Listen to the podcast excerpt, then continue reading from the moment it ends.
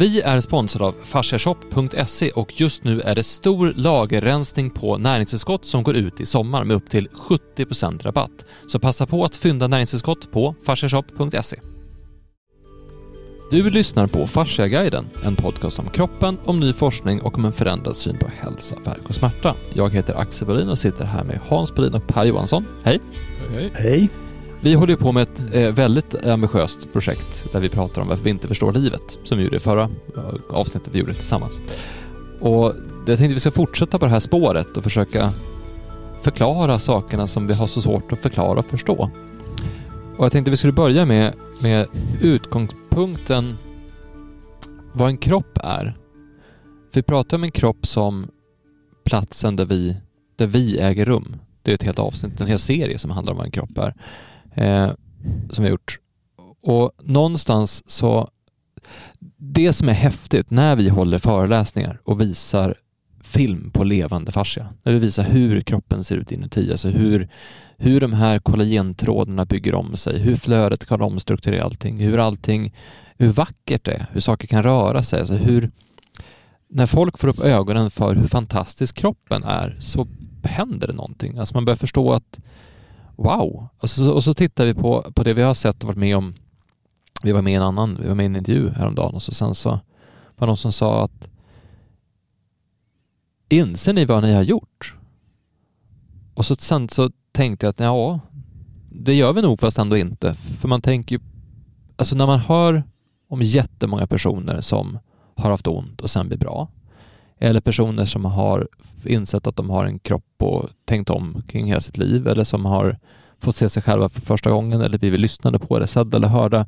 När, man, när, man, när det händer tillräckligt ofta så reagerar man inte riktigt på det längre. Så man tänker inte riktigt på det längre.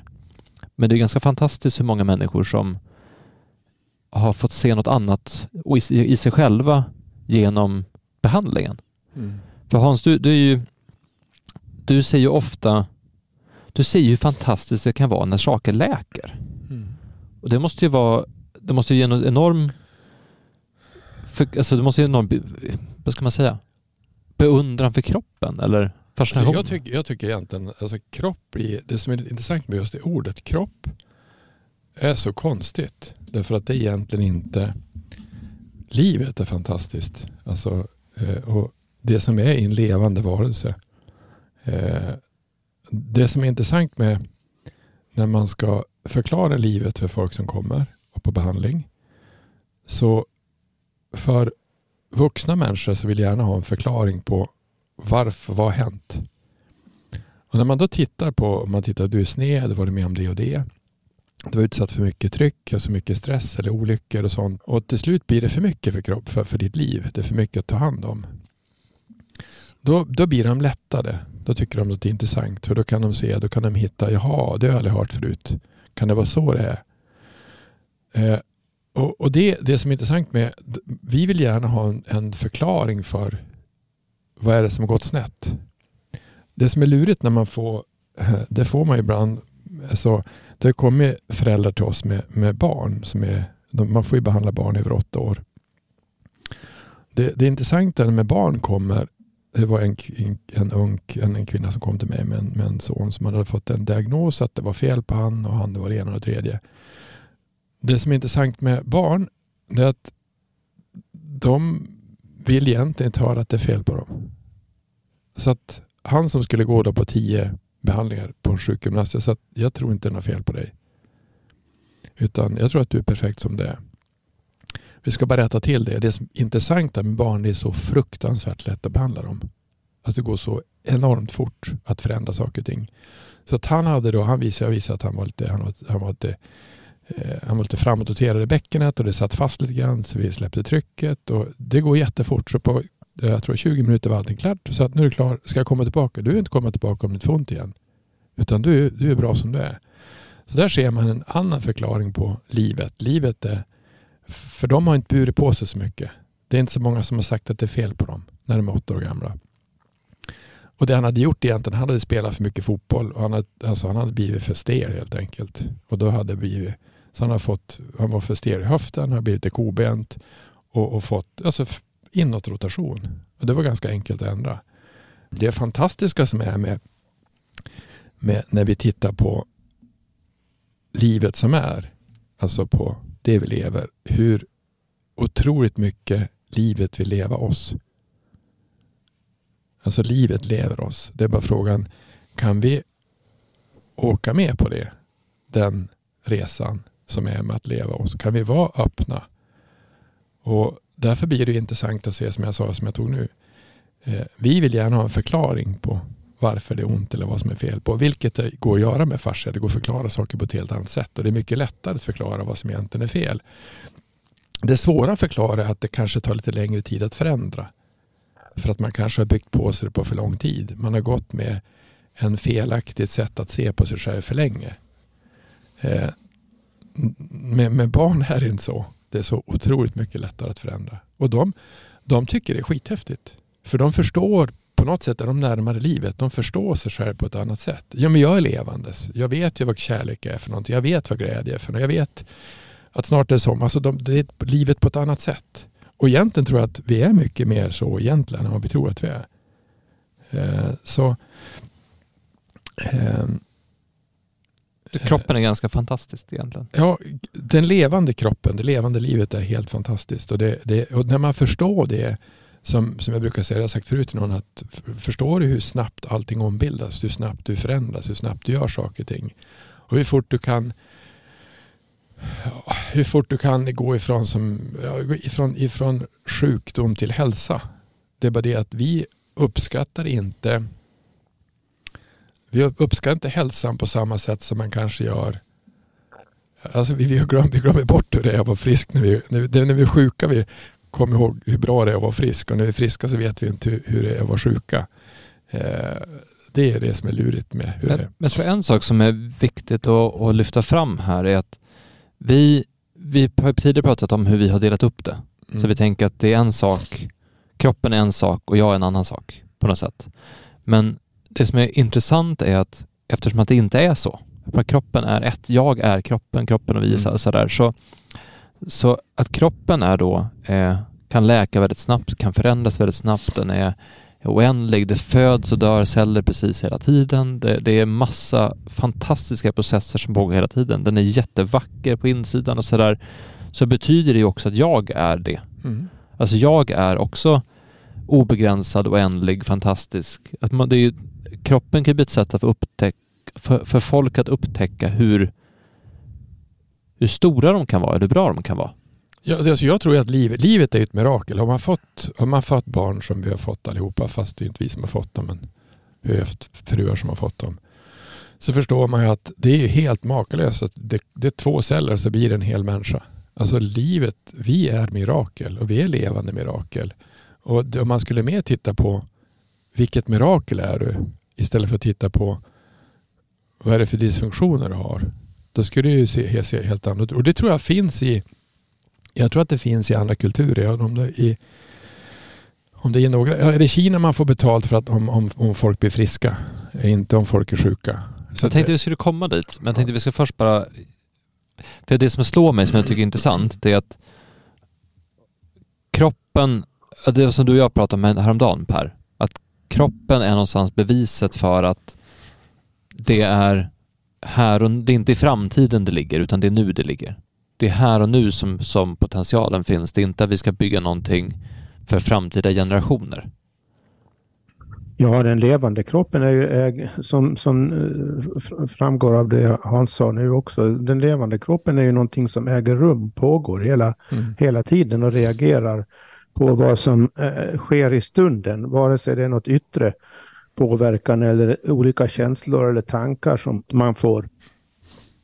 Eh, så är det ju det kroppen reagerar på. Om man, om, om man till exempel till, tillbringar för mycket tid med att tänka på framtiden, eh, om man tänker positivt på framtiden och ser fram emot någonting och har liksom förberett någonting och känner på sig att ja, men det här kommer att gå bra, mm. då reagerar kroppen på det innan det har hänt så att säga.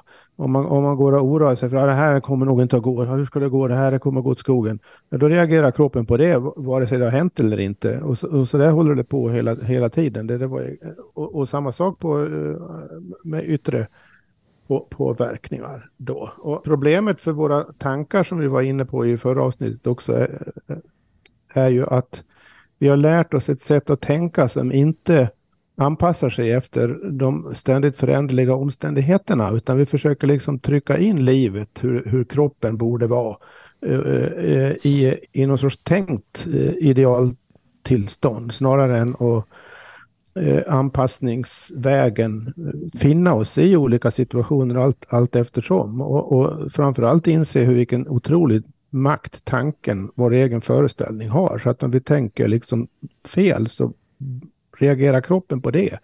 Och fel betyder här då inte fel, sant och falskt så att säga i någon sorts intellektuell mening, utan fel i förhållande till de pågående omständigheterna just i stunden. Tänkte på det här du, du, sa om eh, när folk får se den här filmen där man har lyckats filma då flödet i en levande kropp så man kan se hur det ser ut inne i en levande kropp när, när den lever. Och man blir förundrad över det.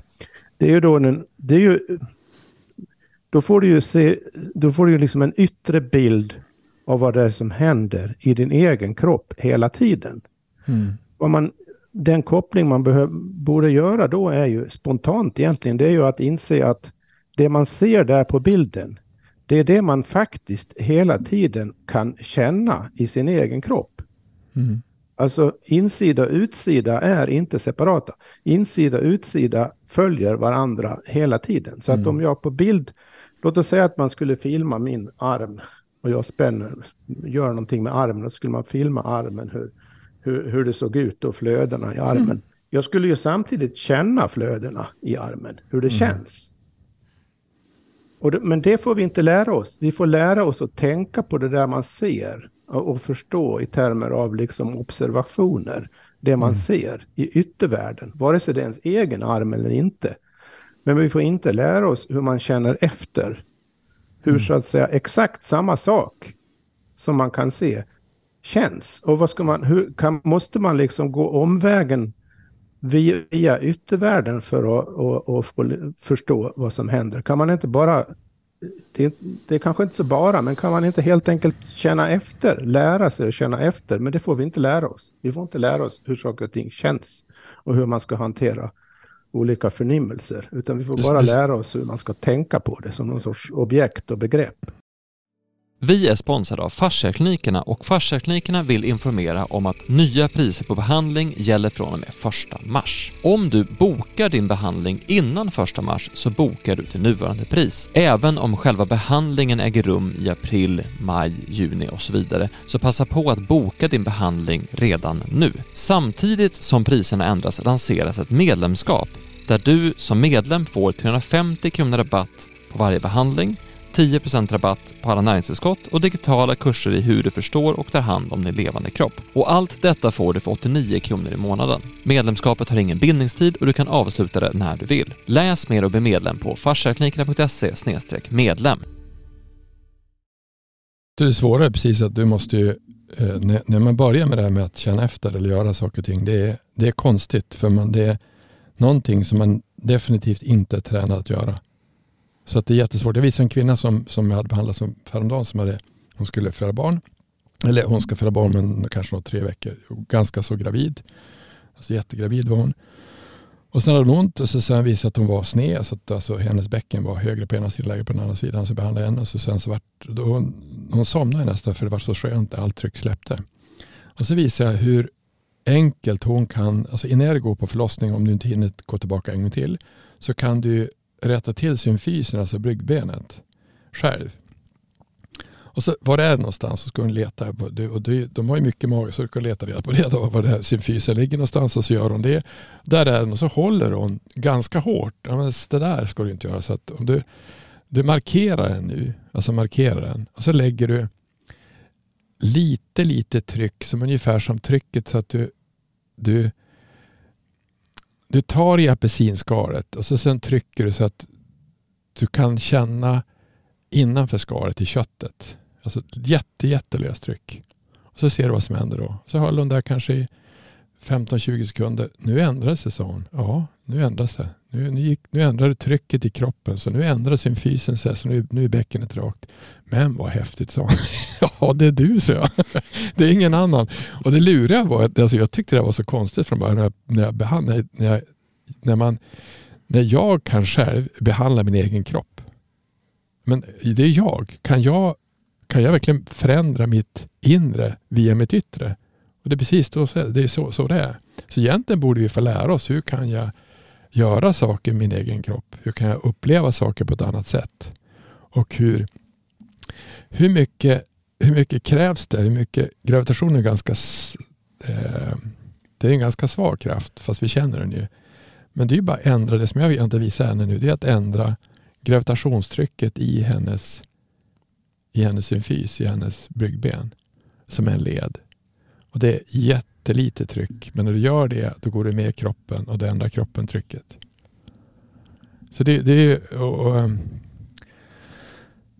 det, det, är ju rätt häftigt att det är så. Att, och förstår man då hur det trycket som är ifrån det, det normala trycket som finns i, i, i kroppen, hur, hur, lätt det är att påverka det. Eller som jag sa till någon annan, som, alltså när de stressar för mycket och ska göra för mycket saker, men du kan väl gå på, gå på vattengymnastik. Varför det då? Ja, men då får du inte så mycket tryck i kroppen. För det är lite lurigt när man går på vattengymnastik. För kroppen, tänker, vad är det som händer? Vi rör oss men det blir inget tryck. För då, har du ju, då flyter hela kroppen. Så går du, hitta någonstans där varmt. Vad ska jag göra? Gör, gör som vanlig gymnastik som du gör fast gör, gör, det, gör det så. För du kommer inte bygga tryck. Och det är mycket trevligare för kroppen om du nu ska försöka att ändra perspektiv. Det, det är spännande för vi, vi har ju som du sa Per, att man, man ser den här levande kroppen och så sen så inser man att det är en själv. Och det som är fantastiskt är att vi ur ett avsnitt 106 handlar om eh, interoception. Och så heter det Hur att lyssna på kroppen är allt annat än flummigt. Och då handlar det om de nervändar man har upptäckt som egentligen bara är till för att du ska känna din egen kropp. Mm. Så det finns en hel, del, en hel stor del av nervsystemet handlar om att du ska kunna känna din egen kropp. Det ja, det är inte så att kroppen klarar ju av det där utan problem egentligen om man låter den i princip. Det, det, problemet är ju att, att vi, vi lägger oss i. Mm. Vi, vi, vi, vi, vi, tänker eh, fel, som, som vi har sagt flera gånger nu. Alltså vi, vi, vi tänker på... Vi, vi, vi, vi, jag, menar, jag talar lika mycket för mig, för mig själv. Det är ju mm. först liksom de senaste typ tio åren eller något sånt där som jag börjat fatta att jag kan ju, förstå det här på ett annat sätt mm. själv, i mig, i mig, i mig själv. Mm. In, jag, en stor del av de åren har jag behövt ägna åt att ändra mitt sätt att tänka på mig själv. Mm. På hur, hur jag själv känner mig. Och, och var, liksom... Det, det, det är en, en sorts vad det handlar om är att rikta uppmärksamheten och ehm, medvetenheten inåt på ett sätt som inte... Att, att man i mycket högre utsträckning observerar Fast in, inåt, mm. vad ska man kalla det? Observera brukar vi använda som man tittar på någonting i yttervärlden. Men alltså man, låt oss säga registrerar då. Man registrerar vad som, hur det känns i en, olika mm. saker och mm. ting. Och ju mer, inte så att man blir liksom självupptagen på det sättet att man går och känner efter hela tiden. Och hur känner jag mig nu? Och, mm. och, och, hur känns det? Och då blir det ju fel, för då är det liksom också någon sorts ta tanke. Va? Utan man, man bara registrerar, lär sig och lyssna först hur det verkligen känns. För det är först om man har någon sorts baseline som man kan börja märka eh, hur man kan påverka det också, mm. negativt eller positivt. Mm. Så det finns, många, det finns flera. Problemet här är väl, det kan du säga mer om Hans. Problemet här som jag ser det är att man, det finns så många olika typer av tankemönster man kan fastna i som allihopa på något sätt skälper den där eh, registrerande uppmärksamheten man skulle kunna behöva ha i grunden egentligen. Så att man märker i förtid, så att säga, märker nästan innan man börjar få ont någonstans, så märker man hur det känns innan man får ont så att säga. Och, och, och uppmärksamma saker på det viset och gör, lär sig att göra någonting som eh, gör att man inte fortsätter på samma, eh, jag, jag i att, samma riktning. Ja, precis. Jag tror att det svåra egentligen är ju att, att Eh, det där är lite olika. Jag tror att det, det, finns i Saltaren står det som att, att du ska ha någon, någon vers i Saltaren som står det att du ska ha eh, din hjärna som din tjänare, inte din slav. Eh, och det kan ju komma vilka idéer som helst. Alltså det, det, kan ju komma idéer som man vet inte om, som dyker upp i huvudet. Och vi har olika typer av eh, intuition och fantasi som finns eller intuition med så olika saker som kommer. Men det är ju det, är ju det som egentligen är grejen, det är att det flödar hela tiden intryck. Alltså hur mycket intryck som helst. Men ska man lyssna på det, då ska man ju som du säger, men hur känns det egentligen nu? Hur känns det egentligen?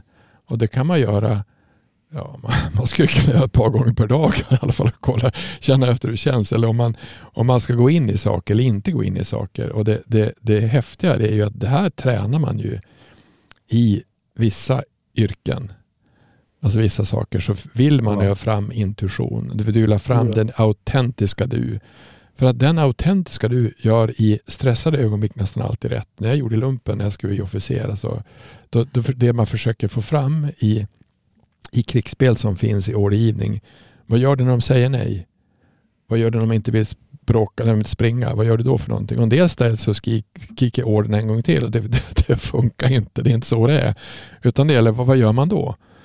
Eh, och det där tränar i, hur, hur, ska du, det kallas för situationsanpassat ledarskap, fast egentligen är det, vad, vad gör du intuitivt? Hur får du saker att hända? Mm. Eh, och det där ska man egentligen, istället för att leda folk i strid, så hur skulle man kunna använda det här i sin egen berättelse, i sitt eget liv? Alltså hur kan man göra det här mer på ett annat sätt? Och jag tror att det, det, det, det lurar egentligen med, med, med det där är inget, det är inget lätt att hålla på med, men när du försöker att du säger att det kommer ett liv, en levande kropp till dig som egentligen har stött på någonting som är konstigt. Så det viktiga egentligen är att höra den person som har kommit, vad du varit med om för någonting, vad är det för någonting?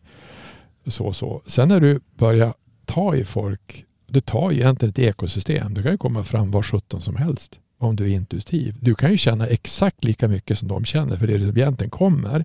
Om du har ett helt ekosystem fullt med levande saker i, alltså faktiskt levande saker och enormt mycket intryck som finns, så kan du ju få till det precis det som är. Vänta, vad är det här för någonting? Och det, nej men det där kan inte vara någonting sånt. Men kroppen pratar med dig. Kroppen pratar ju alltid.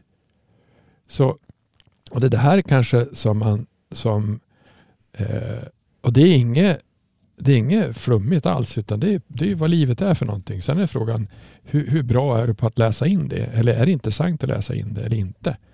Men, men, men då får det ju vara då får man ju träna att vara otroligt lyhörd och otroligt eh, ödmjuk och eh, eh, lyssna på vad är det som kommer egentligen? Vad, vad är de, alltså det kan ju vara så tokiga saker så du tror inte är sant. Har jag hittat på det eller har jag inte hittat på det? Men det, det, det kan man ju träna att göra. Det, det man behöver, en annan sak man behöver förstå här det är att man på den här grunden vi är inne på nu, på den sortens grund, alltså att förnimma eh, olika förändringar, skeenden och reaktioner i sig själv. På, på den grunden kan man ju faktiskt bygga upp kunskap som man kan prata om också. För att om, man har, om du har flera mm. personer som har utvecklat samma förmåga mm. och kropparna fungerar ungefär likadant på alla människor. Så då kan ju de prata om hur känns det där? Jo, men jag känner så där. Ja, det gör jag med. Mm. Uh, och sen så gjorde jag så här i tre dagar och då kändes det så där. Mm. Jaha, det ska jag prova. Och så provar den andra det. Ja, jo, du har rätt. Jo, det kändes likadant till mig. Och på det sättet mm. så bygg, byggs det då upp en förnimmelsebaserad, man skulle kunna säga intuitiv kunskap, men mm. den är egentligen har också en sorts objektiv karaktär i den meningen att det är en typ av erfarenheter som går att dela mellan människor som har utvecklat samma förmågor. Mm. Eh, och det, det, jag är säker på att det är så de här eh, eh som vi brukar eh, från vår synpunkt sett är de österländska traditionerna mm. i Kina, eh, Korea, Japan och där i synnerhet även andra delar av Östasien de, eh, akupunktur, eh, eh, qigong, alltihopa. Det är ju inte bara någon sorts praktik som man gör, eh, som vi ser på praktik, utan vad bygger det på? Ta de här akupunkturmeridianerna, hur har man kunnat komma fram till dem egentligen? Det har man ju det har man säkerligen gjort på just det sättet. Att man, man, man har blivit så fruktansvärt bra, vissa har blivit mm. så fruktansvärt bra på att känna in hur, hur, hur flödena går. Mm. Och så har de ritat upp det och, och det här har utvecklats under gen, generationer. Så att det går att bygga en allmängiltig, användbar kunskap som kan uttryckas och förmedlas även på förnimmelsegrund. Så på det sättet är det liksom inte subjektiv som vi menar i modern mening subjektiv, att det är något sorts godtyckligt eller bara egensinnigt eller personligt på det sättet, utan det, det, det så att det är en annan sorts kunskapsgrund också vi pratar om. En förnimmelseskola, det, det, det, du måste ju lära dig det. det. Tar ju tid, precis på samma sätt som, jag tror att det är musiker som spelar på gehör, alltså spelar med andra musiker. De måste ju lyssna in. det är, väldigt det... många olika skickliga eh, utövare av olika konstformer, konstliga, närliga uttryck är ju bra, bra på det här. Mm. Det är därför de kan göra mm. det de gör. Mm. De tänker ju inte efter före så att säga, utan de känner sig ju för allt eftersom. Mm. Jag hörde ett samtal mellan två stycken, eh, eller en arkitekt och en designer som pratade om just det. Att man måste, man kan inte tänka i en låda utan man måste tänka utanför. Alltså man mm. får inte tänka i förutbestämda mönster för då tappar man hela poängen med den skapande processen mm. man ska vara i. Så att vissa är ju åt det hållet att man, att man automatiskt börjar tänka annorlunda istället för att tänka så som man har lärt sig att tänka. Eh, och det, men det, det för ändå tillbaka till det där med hur vi har lärt oss att tänka. Att man, ja. man kan ju bygga upp en förnimmelsekunskap och så vidare, alltså den förnimmelseskola som du sa. Mm. Men det är inte det som, alltså det här skulle man ju kunna ha lärt sig redan när man var liten. Eller om vi säger så här, min dotter vet såna här saker. Alltså hon är två. Hon har stenkoll på såna här saker. Alltså hennes kroppskontroll är fantastisk på ett annat mm. sätt. Eh, men sen så glömmer man ju bort det eller avlär sig eller något sånt där. Och det var för jag tycker... Ja, sen så får man sitta i skolbänken i tio år. Ja. Det är inte så himla lätt att, att förnimma en massa lås man skulle och, och varför jag tycker det här är så intressant är för att jag, jag hittade en sån här avsiktsförklaring um, på vad, vad, vad Fascia-guiden är för någonting. Mm -hmm. Som jag hade skrivit ihop. Eh, och då, både Fascia-guiden och Natalguiden och eh, Fascia Research Database som håller på att bygga, det är, det är ett folkbildningsprojekt med syfte att ge kunskap om kroppen på ett enkelt sätt.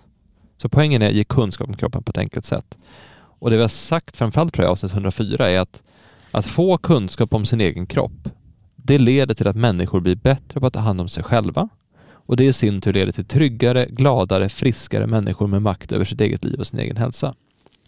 Så att, att jag förstår min egen kropp och lär mig känna min egen kropp, det gör att jag blir en starkare, tryggare, friskare, gladare människa med, med större makt och större möjligheter. Mm. Eller hur? Mm.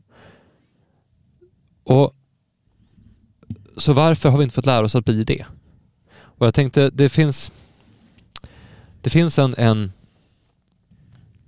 en grej i det här som, som vi landade i förut när vi pratade och det är att eh, när vi ser då kroppen så, så fantastisk som den är så kan vi ganska enkelt konstatera att det är inget fel på den. Det är inget fel på dig. Alltså du, du är, Hans brukar säga det också, att du är perfekt som du är. Alltså din kropp är, den levande kroppen är helt fantastisk. Men om jag ser tillbaka på mig själv och mitt eget liv, på folk jag pratat med, på folk som Hans har berättat om, på alltså egentligen nästan alla som man har landat i, alltså även vet, Per, av dina och Eriks många samtal om vad en människa är, så är det alltid som att människan någonstans är trasig. Alltså att man är, ja. det är något fel på oss. Det är liksom, vi är, vi är, vi är konstiga eller vi är trasiga eller vi har gått i tur eller vi har tappat kontakten eller vi liksom, det är någonting fel på oss.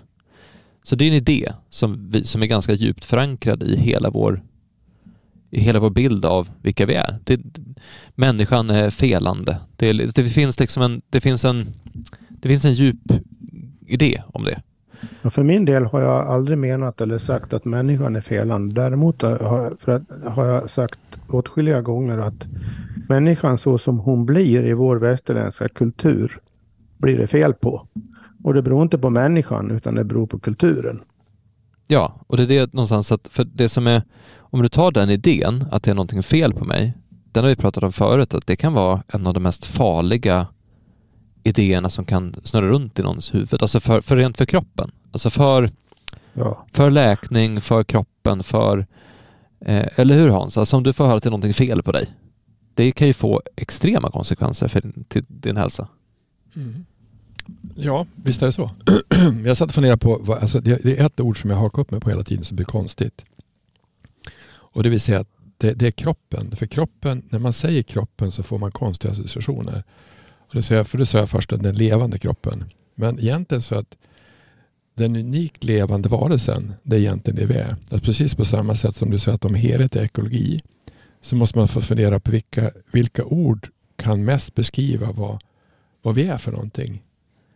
Eh, och, och den unikt levande, vibrerande varelsen, då, då ser man sig på ett annat sätt. Och det, den är unik, den har aldrig funnits förut. Det, det tokiga egentligen som finns, som du säger, att man blir, man blir eh,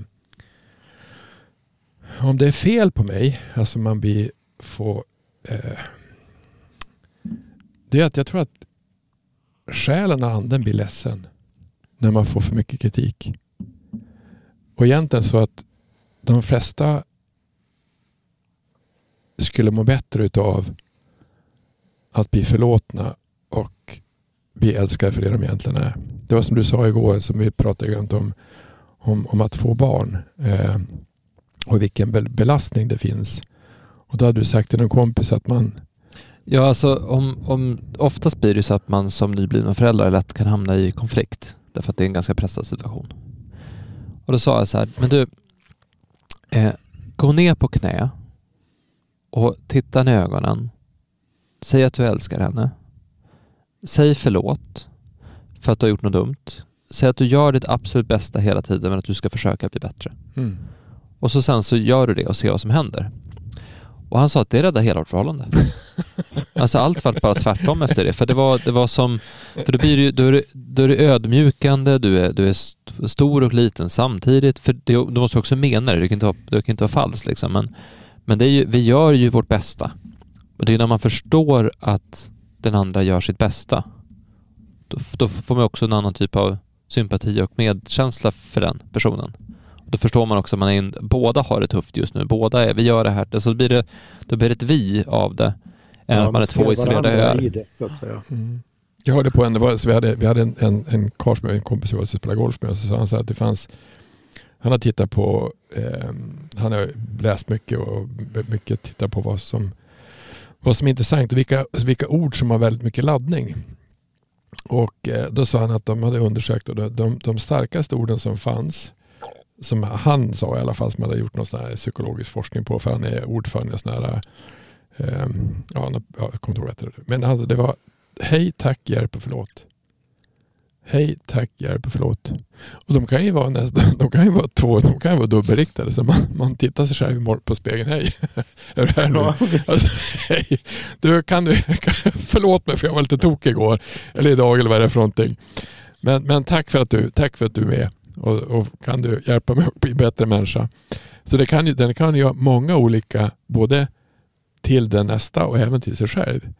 Eh, och jag tror att det, det, det som är det som vi, vi lär oss egentligen som är tråkigt för den levande unika varelsen det är att, att bli belackad.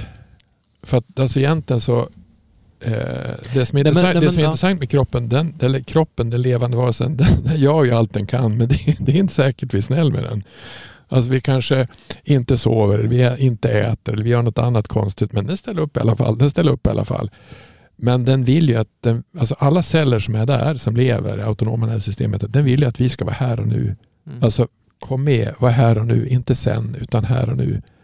Eh, och försöka att du är, alltså, det brukar jag säga till en del som är det, och jag har sagt förut också, att det finns ingen det finns ingen som har sett gult som du ser det. Det finns ingen som har sett rött som du ser det. Det finns ingen som har sett naturen, som du sett det. Det finns ingen som har sett genom dina ögon någonsin, någon gång tidigare. Aldrig. Men det som kroppen igen, det som den levande varelsen vill, den vill att du ska se just det.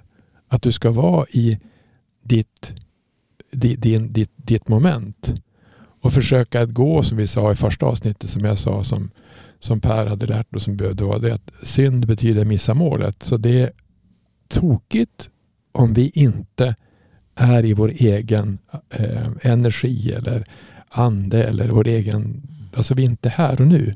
Det är faktiskt inte okej. Okay, för kroppen har ju, alltså det finns ju, det finns ju en massa kroppar som var där innan eh, som har varit på en massa olika sätt, men det är ingen som har varit som jag.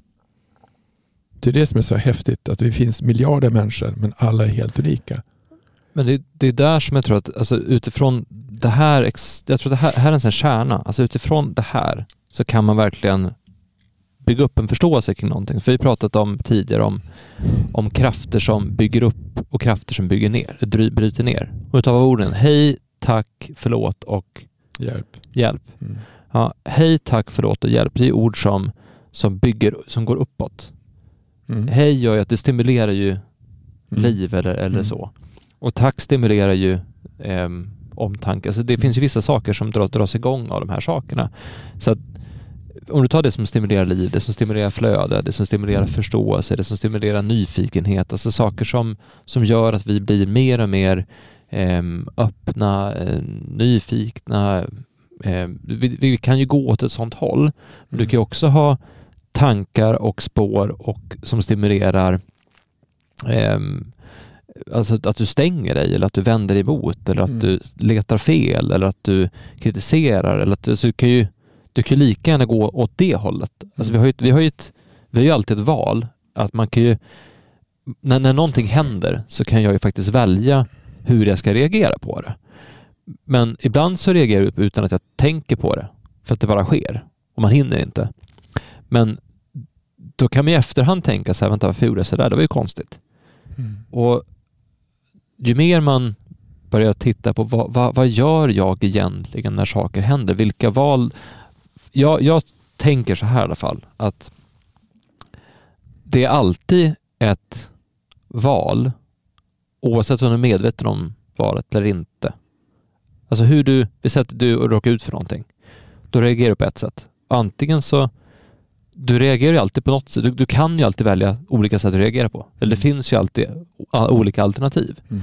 Och något av de här alternativen går mot den unikt levande varelsen och det andra går åt andra hållet. Mm. Men problemet här är att så som det ser ut idag, för att komma tillbaka till det du sa Per, så vår kultur, vårt samhälle trycker hela tiden på knappar som leder neråt. Om du tar det här med att det är inget fel på dig, fast jättemycket runt omkring oss säger att det är det.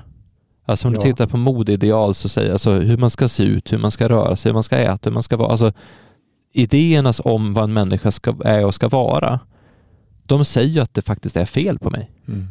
Och det är ju rätt jobbigt att stå emot det. Eller det krävs ganska mycket att stå emot det trycket. Mm. Ja. Och, och de, de, kan ju faktiskt vara så att jag hittar på tänker det är, yttrar sig olika i olika kulturer, tänker jag. Eh, för att eh, ett, ett samhälle Eftersom folk är väldigt olika i grund och botten och väldigt olika nivåer, har olika medvetenhet, olika förmåga till självreflektion och så vidare. Vissa har ganska hög grad, vissa kan utveckla det ganska bra, andra verkar helt oförmögna till det, åtminstone tillräckligt fort så att säga. Mm. Så att människor är väldigt olika på det sättet. För att ett samhälle fungerar, så, ska fungera så behövs det vissa yttre yttre normer eller moralregler egentligen som man på något sätt skolas in i när man växer upp i ett sam samhälle. Och det där sker, sker, sker ju på olika sätt då i, under olika historiska omständigheter och i olika kulturer. Men i vår, vårt fall i väst så är vi extremt präglade av kristen, 2000 år av, av, av missriktad kristendom egentligen. Mm på det här planet. Som alltså kristendomen har också vissa förtjänster som man inte ska glömma bort i sammanhanget. Som har gjort att vår kultur har undvikit andra möjliga fällor. Jag ska inte gå in på det nu, va? Men, men en sak som genomsyrar den kristna synen på människan är ju att människans, människa, varje människa föds med något, ett fel på sig. Mm. Man föds fel. Mm. Det är synd, syndafallet liksom. Mm utdrivandet ur Edens lustgård och så vidare. Mm. Så att äh, arvsynden, i synnerhet i västlig kristendom så betonar man arvsynden väldigt mycket och det har präglat det västerländska samhället kolossalt. Och det, väldigt mycket av det and, andra sätt att tänka som vi har i väst, även nu i moderna efterkristna Sverige, sätt att tänka kommer egentligen från, från kristna vanetänkandet egentligen. Att det, det, det är något fel på, på en. Eh, det är intressant att i östkyrkan, östliga delen av kristenheten, så betonar man inte alls arvsynden särskilt mycket överhuvudtaget. Så att det, det är någon underliggande kulturell skillnad här eh, som präglat fest väldigt mycket. Men sen finns det ju andra kulturer. Om man tittar på Kina, eh, gamla Kina, Korea, så är ju det präglat av konfucianism då i väldigt hög grad. Så det är en extremt eh, eh, strikt reglerad syn på allting egentligen. Med, med, regler för hur man ska bete sig i alla tänkbara situationer. Och det, det, det, är samma sak, det där är på gott och ont. Va? För att om det, om det liksom fungerar på något sorts mått, mått, måttfullt mm. vis så ger det en sorts vägledning i livet. Eh, som kan vara svår att uppnå bara på rent på egen hand. Men det är ju väldigt lätt att missbruka för den som har makten. Mm och, och liksom överdriva och kräva allt möjligt. Eh, det är ett hierarkiskt system också. Och likadant i väst. Precis som den, den här eh, arvsynstanken kan ju missbrukas av makthavare och har gjorts. Mm jämt. Så, så att eh, det finns alltid ett inslag i, i, alla civilisationer, kanske vi ska kalla det, så av, av, av det här, den här dubbelheten. Att det finns vissa moralprinciper som gäller, som behöver finnas. Men de är fruktansvärt lätt att missbruka. Och där, där av den som sitter på mak olika maktpositioner och vill bestämma över andra och följer, följer sina egna intressen och inte bryr sig om egentligen människorna. Eh, och det där är väldigt svårt att, att stå emot som, som in, individ. Mm. Men det är väl här också blir som sån här nästan självuppfyllande profetior. Alltså när, när man har en, en idé som kanske inte ens är sann, men som är den som drivs. Vi, jag minns vi pratade om det här när vi pratade om eh, förlossningsvård i något, några avsnitt sedan. Eh, om den här, alltså inställningen är att ingen, ingen ska få dö, ingen ska dö. Det är liksom målet. Mm. Det är det man bygger allting kring. Vi ska minimera risken så att ingen dör. Och det, är ju, det kan vi tycka är en, en, en bra idé på ett sätt. Men problemet är att de, då är, allting kretsar mot att ingen ska dö istället för att allting ska kretsa mot att varje förlossning ska vara fantastisk. Ja, fast, det, fast det du egentligen har gjort, det du egentligen gjort är att, att man har byggt in en rädsla i det. Man har byggt in rädsla ja. i systemet. Så systemet, det som egentligen är det är det som, som vi hade när vi satt och intervjuade en massa barnmorskor. Då, så var det, Cayenne hade varit på, hon barnmorska vi jobbar, hon är 75 år gammal tror jag. Ungefär. Hon har jobbat jättelänge som barnmorska. Och då hade hon varit på en sån här konferens för att berätta ett annat program. Och då frågade han, är det många som spricker hos er? Ingen spricker. Alltså de var från Söderhavet. Det var ingen som hade några konstiga förlossningar. Utan de, de föds, alltså det man måste förstå, är att livet är starkt livet vill leva. Och barn vill komma ut. Men om man gör det stressigt för dem, alltså, alltså hela förlossningen kan bli jättestressig för alla, alla parter. Det är inte så att vi har haft speciellt många som har dött i, i förlossning. Alltså på, jag tror att 1945, så, eller 48 tror jag, mer än 50 procent av alla föddes hemma. Och nu är det 200, under tusen stycken som föds hemma. Och miljön är jätteviktig, hur, hur det går till och vad man egentligen gör för någonting. Så jag tror att det som är lite intressant som, som du sa Per, det är jag, jag har ju funderat på det med, med alltså när man tar arvsynd som är ett begrepp som alla, de flesta känner till det. Men hur har man använt det begreppet för att faktiskt göra någonting mot som inte kanske är så fint? För att om den om man tar de första kristna så det de egentligen gjorde det var att de, de, de döptes i helig ande, alltså en annan frekvens i vatten. Och den frekvensen var den som skulle upplevas av de som var vuxna, som var levande, så att få en annan frekvens. Men vad är det som säger att varför ska man ha dop som är med barn som är nyfödda? Jo, det är därför att rädda dem ifrån ifrån Ja, det är för att komma till rätta med arvsynden. Det är och, det, och det är så befängt dumt så alltså, hör ni vad tokigt det är? Alltså, hur kan någon som är född av kärlek som ett barn behövas räddas ifrån någonting som är, det, det är nästan så, men så befängt runt sant. Men det måste man alltså titta på, varför har man gjort så? Och jag tycker ju som jag har sagt till min mamma att det där är ett kontrollsystem.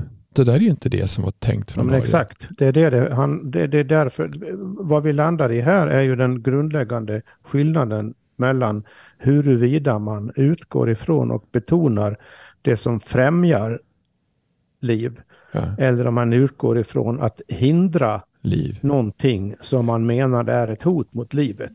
Alltså båda, bo, båda synsätten eller, eller, eller eh, riktningarna är ju, handlar ju egentligen om på ett sätt om att eh, värna livet.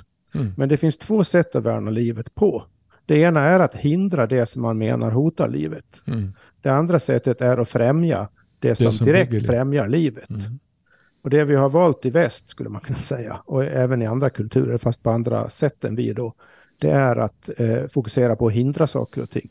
Och det är precis det man gör i dopet, Mm. genom att döpa barn. Då ska man hindra arvsyndens effekter genom att döpa dem när de är nyfödda.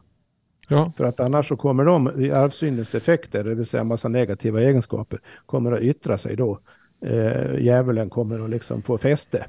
Och, och då, då, eh, för att från början så döpte man ju bara vuxna. Ja. Då, då var det ju en poäng med att driva bort, eh, det symboliserade ju då att man drev bort liksom alla möjliga. Man föddes på hindrande Man föddes saker på nytt, ja. i den vuxna Ja. människan.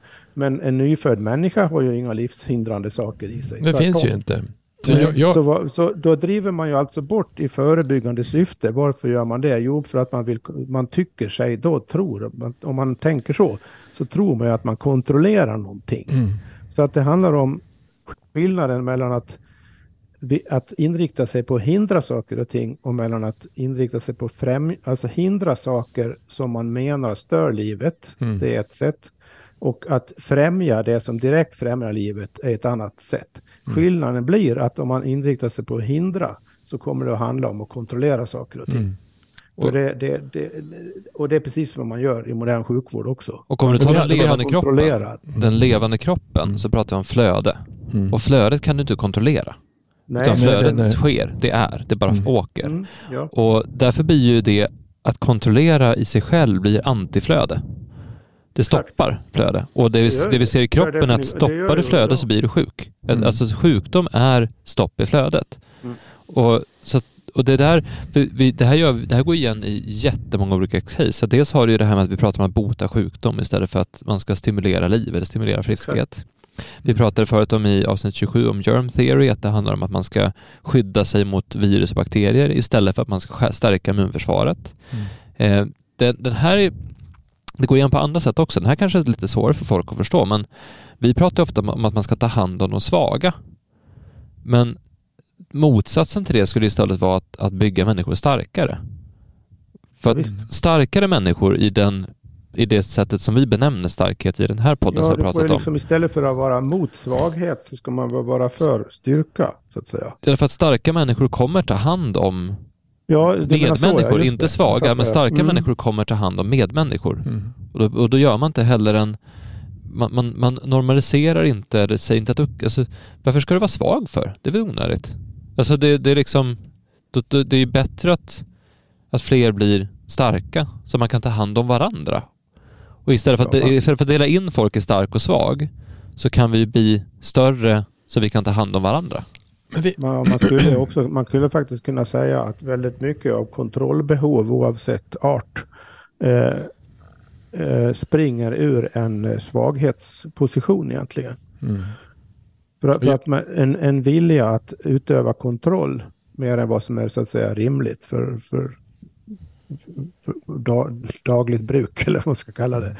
Eh, driv, driften att utöva kontroll kommer ju av att man känner att man inte har kontroll, att man vill ha kontroll. Varför känner man att man vill ha kontroll? Jo, det är för att man känner sig svag i förhållande till någonting. Mm. Jag tycker vi hade, vi hade ju ett sånt här, vi har ju kört igång ett projekt som heter Fascianatal som vi höll på med ett halvår. Bara för att Axel har just gått igenom det. Eh, därför att vi har haft eh, barnmorskor som jobbar med det och eh, och vi behandlar många gravida. Vi har jättemånga gravida och mycket kvinnor överhuvudtaget. Och då hade vi en, vi hade en, en sån här typ en hearing. Alltså vi bjöd in en del doler och barnmorskor och några andra som kom som var med. Och eh, så diskuterade vi vad, vad är det för någonting man gör? Alltså, vad är det finaste som finns? Det är egentligen att föda barn. Vad är det, vad är det, alltså, hur ska man titta på både den som föder barn, kvinnan, och hur ska man titta på hur blir det när barnet kommer ut? Och då var det en sak som vi pratade om, det att egentligen är det ju det, det som är viktigast egentligen, ge trygghet, stöd och förstå att det är det mest naturliga som finns och göra allt möjligt som finns så att det ska inte vara något, något, något konstigt som händer när du föder barn. Jag berättade för min mamma, hon är barnmorska. När Lena föddes, hon är född 1960, min, min syster, då hade de en barnmorska. När jag föddes hade jag tre. så, och när Axel föddes hade vi tio tror jag. Det var hur många som helst. Och det är 90. Så på, på de åren så har det blivit någonting som är ganska, det, det är ganska egentligen om man tänker efter, om, om jag är väldigt utsatt, jag är väldigt känslig och jag ska göra något som är ett ganska jobbigt arbete, att föda ett barn. Och det springer folk fram och tillbaka in i rummet och det kommer nya människor hela tiden. Det, det, det är rätt diaboliskt att göra sånt. Att, alltså, det är inte Alltså när man, man pratar om vett och etikett, man hälsar på folk, man blir introducerad, man bygger gemenskap, man, man, man, man pratar inte med vem som helst, man, man ska ha förtroende för allt som finns. Det är så skolan säger att vi ska göra och en massa andra saker. Men när det kommer till, när det kommer till förlossningsvård så är det inte så det är. Och det, det andra som är intressant, det, det som, som vi hade upp då, det var ju om, om, om för då var Camilla med, hon har varit mycket med, med hästar och förlossning, alltså förlossning föds, alltså hästar som föds. Så hästar gör man ingenting med alls, man låter dem vara. Och Det viktigaste som finns är att låta eh, fölet och modern, ligga, fölet brukar ligga kvar i mamman när det kommer ut, så ligger kvar i en fem sex timmar. Till det reser sig upp och då går navelsträngen sönder. Det som är intressant är att navelsträngen innehåller så mycket, alltså så mycket, hela mamman tömmer hela sitt immunförsvar rakt in i navelsträngen. Och, där får, och det, det, är två saker med det som egentligen visar med hästar och alltså hundar. Det att det, det, du har levt i i nio månader det är känslan av att sitta ihop med någon. När, när Axel föddes så sa de, ska du komma och klippa en avstängning? Och det gjorde de efter två minuter så fort som möjligt. Ja, visst, det ska jag göra. Som att jag skulle få bli bemyndigad till att göra någonting. Och det jag egentligen gjorde, jag klippte liv, livlinan mellan Axel och Lotta. Varför då? Varför ska det göras så fort? I du fick äran att separera mig från min mor. Exakt, och i djurvärlden gör man inte det överhuvudtaget. Och där kan man också titta på, är det där, gynnar det där livet att göra en sån sak? Att gå emot naturen och hitta på någonting som, som vi tror är perfekt att göra när, andra, när hela skapelsen som finns, alltså livet som finns, ingen gör så. Inga djur gör så. Apropå det där med antalet ökade antalet barnmorskor. Vad, vad du pratar om då antar jag är antalet barnmorskor man träffar under graviditeten. Ja, ja exakt, exakt, exakt, exakt. Så, så var, var, var det någon som hade någon idé om varför det har blivit så? Ja, det, var ju, det är mer utav schemaläggning att man ska kunna gå, alltså det handlar inte om att prioritera eh, eh, mamman eller förlossningen för det kan ju ta tid. Det kan ta mm. jättelång tid. Så mm. egentligen skulle du kunna gå hem och så sen komma tillbaka och ringer de till dig. Men det är samma barnmorska som är där hela tiden. Och, och det de egentligen sa att det, alltså Florence Nightingale var den första barnmorskan som är känd för att det var hon som fick eh, kirurgen att tvätta händerna så att de inte fick så mycket döda. det var det hon gjorde. Hon var ju barnmorska och de, de, de menar egentligen, barnmorskorna som är nu, de menar att egentligen så är det så att den som är chef över förlossning det är mamman och den som lotsar mamman till förlossning, det är barnmorskan. Det som man har gjort nu så har man ju satt en läkare som chef över, alltså en läkare, som sjuk, någon som är ansvarig för det som är sjukt, chef, chef över alltihop. Vilket man får en annan ordergivning och det blir mycket viktigare Alltså, det, alltså, apparaten i sig blir viktigare än vad den ska användas till. Ja. Och det är väl det någonstans ja, och apparaten fått... är konstruerad för att ingenting får bli fel. Mm. Ja, och, och i och med att man har konstruerat en sån apparat så blir det fel. så, ja. så det är det som är det tokiga alltihop. Ja, och det där som, tillbaka till den här, den här, det som bygger upp och det som bryter ner, det som går mot, som stimulerar det levande eller som bryter ner det levande.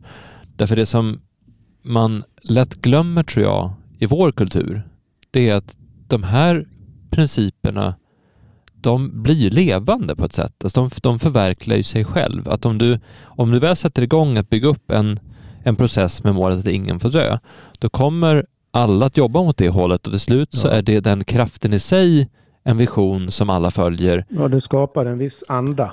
Ja, och det är ju, det är ju, det är ju människorna som har hittat på det djuputbara. Alltså det, det är liksom själva själva rörelsen i sig går åt det hållet. Så den, den, är, den är direkt levande. Och det är lite intressant om vi pratar tillbaka till det sa förra gången, här med att vi, vi, varför förstår vi inte livet? Och det intressanta med vår kultur är att vi har ju problem att konkretisera förståelsen för det levande som vi pratade om då. Men om du tittar på nästan alla andra kulturer så ser man ju snarare att allting är levande. Alltså de flesta andra kulturer pratar man om, om vattendrag som levande, berg är levande, skogen har en ande, eh, alltså björnen har en, alltså det finns, en, det finns idéer om att saker är mycket, mycket mer levande än, än vi tycker att det är. Det tycker vi är lite flummigt och lite konstigt idag. Mm. Men det är återigen, vi är den enda civilisationen som inte tänker så och vi har alla de här ja, problemen. och det beror på att vi objektiverar saker och ting. Att vi mm. alltså, vårt fokus ligger på objekt i yttervärlden. Vårt fokus, eh, saker som uppfattas som, som objekt i yttervärlden. Jag tänker på det här du sa för en stund sedan Hans, apropå att du har problem med ordet kropp. Mm. Och det där, det har suttit och gnagt i huvudet på mig nu medan vi pratar. Att du, där har du någon, det, det är en suverän und, det, är, det är en fantastisk eh, fråga. Varför kallar vi kroppen kropp? Mm. För att vad, vad, vad, får det för konsekvens? Jo, det är att vår kropp är, är blir då en kropp bland andra kroppar. Mm. Som jag sitter på en stol vid ett bord just nu med en mikrofon framför mig för att vi spelar in. Mm. Då, då, är min kropp här nu då. Det är en, en, en kropp här i, i rummet. Eh, mikrofonen är en annan kroppslig fenomen i samma rum. Mm. Bordet som mikrofonen står på är också en kropp. Eh, allt det där i fysisk mening, kroppar, mm. alltså fysik, fysikalisk mening så som man tänker vetenskapligt. Det är, liksom, det är kroppar, de har en viss tyngd de, och en viss massa och, och, och alltihopa. Och vissa mått. Eh, så att det är kroppar på det sättet. Men den enda varelsen i sammanhanget är ju jag. Mikrofonen är ingen varelse. Mm. Däremot så integrerar jag mikrofonen i min varelse när jag pratar i den. Så då mm. blir det liksom någon sorts eh, per mikrofonvarelse just då. Nu då är det liksom sammankopplat. Men när, så fort jag avlägsnar mig från mikrofonen eller drar ut sladden så eh, upphör ju den, liksom per mikrofonvarelsen upphör ju i samma ögonblick. Så genom att kalla, apropå det du sa i andra kulturer, i stort sett alla andra kulturer egentligen, fast på lite olika sätt, ser ju allting som varelser. Det vill mm. säga pågående, levande existenser. Mm. Och det där anledningen till att vi tycker att det är konstigt är att vi tänker inte på saker som varelser. Vi tänker för sjutton inte ens på oss själva som varelser. Som varelser. Nej, för en kropp är ju statisk i sin... Så egentligen är det, är det flummigt att tänka på sig själv som varelse. Ja, fast det... om, man ska hårdra det hela. Eller hur? Va? Ja, det är helt vansinnigt. Ja. Men, och det, jag tror att det, det fanns en annan sak som jag funderar på. Det, för, för, för kropp, är, kropp är jättekonstigt, men varelse är mera den, den unikt levande vibrerande varelsen. Tänkte jag, det var nog bäst ord att säga, för den är vibrerande. Ja, det är jättebra. Det som, det som kommer sen som är ganska intressant, alltså om man tittar på det enda fingeravtryck som kommer finnas kvar, avtryck som kommer finnas av varelsen Hans Polin, det är mitt skelett. Det är kvar. Som ett minne av att jag var här. Men sen kommer en ny varelse. Med samma typ av skelett. Ja. Men, men, men, med nya saker som lever. Ny, nytt saker som är helt annorlunda. Och därför blir det ju det blir, det blir lite intressant med att det har varit många varelser här. Eller hur? De har lämnat mm. ett avtryck. Mm. Men alla är nya när de kommer hela tiden. Men det, jag, jag, tänker apropå det här, jag, jag jag, visst är det så. Det, jag, eh, apropå det här du började nysta i här Axel, med att eh, det är skillnad på att se Uh, att se allting som levande på något sätt, det vill säga allting är någon sorts va varelser. Det, uh, det är ju ett perspektivskifte det är frågan om. Det är inte frågan om egentligen knappt, igen, inser jag på ett sätt, det är knappt fråga om olika verklighetsuppfattningar heller, utan det är frågan om olika perspektiv. Mm. För, för att om du har ett, ett levande, om du har ett varelseperspektiv, så är det ju inte dugg konstigt att, se, att säga att ett berg, det och det berget är en varelse, eller den och den floden är en mm. varelse. För vad händer, vad händer med floden om, eh, låt oss säga att du har en, en, en, en, en frisk flod. Mm. Inga föroreningar. Och så bygger du en fabrik och börjar släppa ut en massa gifter. Vad, vad har det gjort då? Du har ju förändrat flodens varelse. Mm.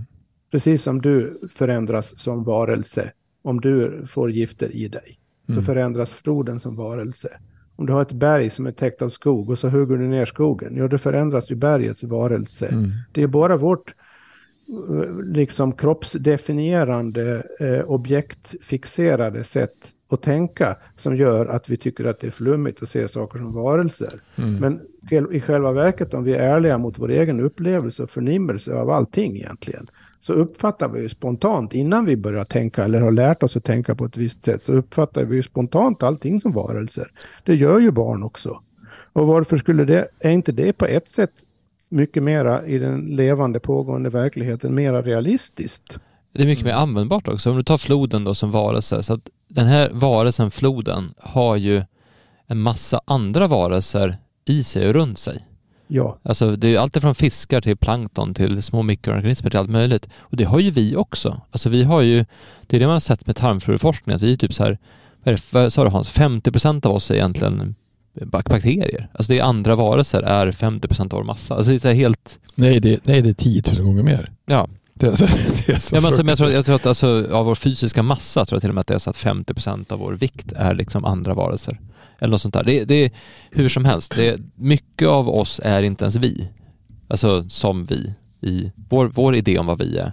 Ja, i den här objektiverande sättet att kategorisera saker och ting. Men, vi, men samtidigt är ju, om du tar bort alla de här andra varelserna från, från varelsen Axel, så är ju inte varelsen Axel kvar. Utan jag, jag, behöver ju alla de här mikroorganismerna för att kunna leva överhuvudtaget. Utan ja, dem så kan jag inte leva. En, en levande kropp, alltså det vill säga en levande varelse i, som vi menar med oss själva då så att säga, är ju ett ekosystem precis som floden egentligen. Ja, och, jag, och samtidigt är man del av det större ekosystemet. För jag, jag är ju, alltså varelsen jag har ju en litet ekosystem i mig och sen har jag alla de här varelserna som bor i mig, men jag har också jag är också beroende av alla varelser runt omkring mig. För att jag kan ju inte leva utan att dricka vatten. Till exempel. Så att det... alla, allt som lever är ju beroende av an, allt annat runt omkring som mm. också mm. lever på ett eller annat sätt. Jag tror, att, alltså, jag tror det är intressant med, med ord. Jag hade, jag hade en, en, för jättelänge sedan skulle jag göra en grej till en kar eh, som att det, det, var så dumt så det spelar ingen roll. Jag, jag skulle skriva på, på, jag tror jag berättade, jag skulle skriva på, på bilder som fanns som han hade tagit ur en massa kunder så skulle jag skriva någonting. Han skulle göra någon sån här jättefin årsredovisning. Så det, skriv istället om de här, de här som är där. Och det gjorde jag inte utan för, det, det gjorde inte han, det gör det du. Och det var ju omöjligt för mig. Hur ska jag kunna skriva någonting som jag inte ens visste vad det var för något? Jag visste inte ens vad det var. Så då satt jag och letade efter bevingade ord. Och sen så använde jag Ordspråksboken ganska mycket och sen det kinesiska ord som fanns runt allting som fanns. Det som jag gjorde då för att, att göra det mera, mera eh, lättare att ta in så tog jag bort Gud i många av de här. För det fanns ju, i Ordspråksboken står det mycket om Gud, man ska göra saker och ting. Men jag tog det till ett annat, något annat ord som världen eller det levande eller något annat så det inte vart så otroligt bibliskt. Och det var, alla tyckte det var skithäftigt.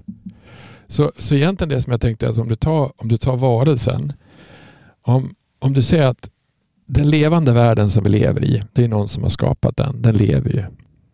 Eller hur? Så jorden lever ju. Så om du, du tar det, det, det Jesus var frågad om, han frågade vad, vad är det du ska göra för någonting, frågade någon farisé. Ja, jag ska älska Herren Gud av, av hela mitt hjärta och min nästa så som mig själv. Och då var det ju, Gud sket dem ju men det, det, var ju, det visste alla om att man, man hedrar det som lever. Alltså Gud, är det, det är allting som lever är Gud. Den, är, den pratar man inte ens, den, den, den visste om att så gör man. Naturen är vi rädda om. Och den, den, måste vi, alltså den måste vi tacka för, det måste vi offra till om man gjorde en massa saker till Gud. Eh, och sen handlar ju den historien egentligen om vem, vem är min nästa och vem är jag själv? Men ser man det som levande, alltså den levande varelsen som är allt på jorden, då, och vilket är ett ekosystem som är helt fantastiskt, då skulle vi vara mer betjänta att vara rädda om varelsen jorden som vi egentligen är det vi lever i. Och ser man att vi är interakt, in, in, har en interaktion med varandra som är väldigt viktig, då skulle man ju också förstå att det är viktigt att jag ser mig själv och att jag ser andra också. Det blir ett helt annat perspektiv.